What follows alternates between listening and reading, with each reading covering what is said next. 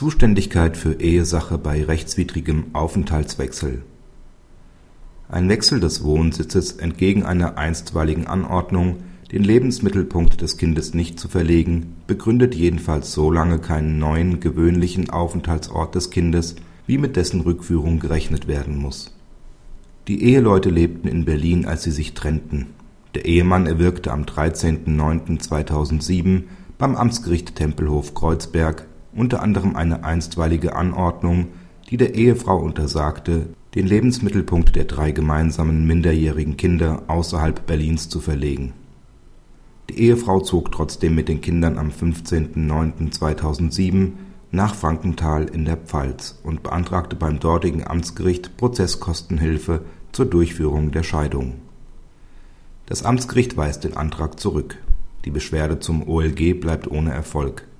nach § 606 Absatz 1 Satz 2 ZPO ist ausschließlich das Familiengericht zuständig, in dessen Bezirk einer der Ehegatten mit den gemeinsamen minderjährigen Kindern den gewöhnlichen Aufenthalt hat. Durch den Umzug der Frau mit den drei minderjährigen Kindern entgegen der einstweiligen Anordnung und dem Aufenthalt in Frankenthal seit fünf Monaten ist kein neuer gewöhnlicher Aufenthalt begründet worden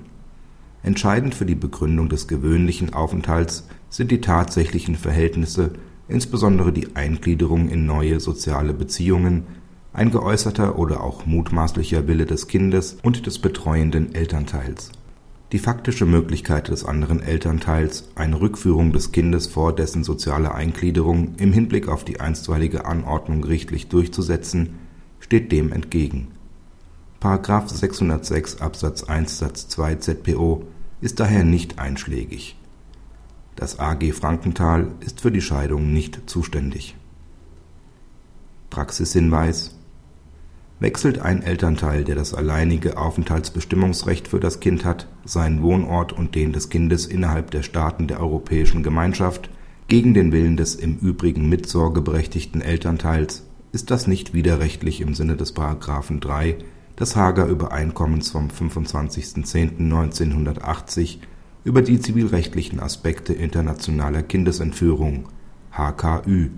weil der andere Elternteil seine Mitsorge auch von seinem Heimatland aus in hinreichendem Maße ausüben kann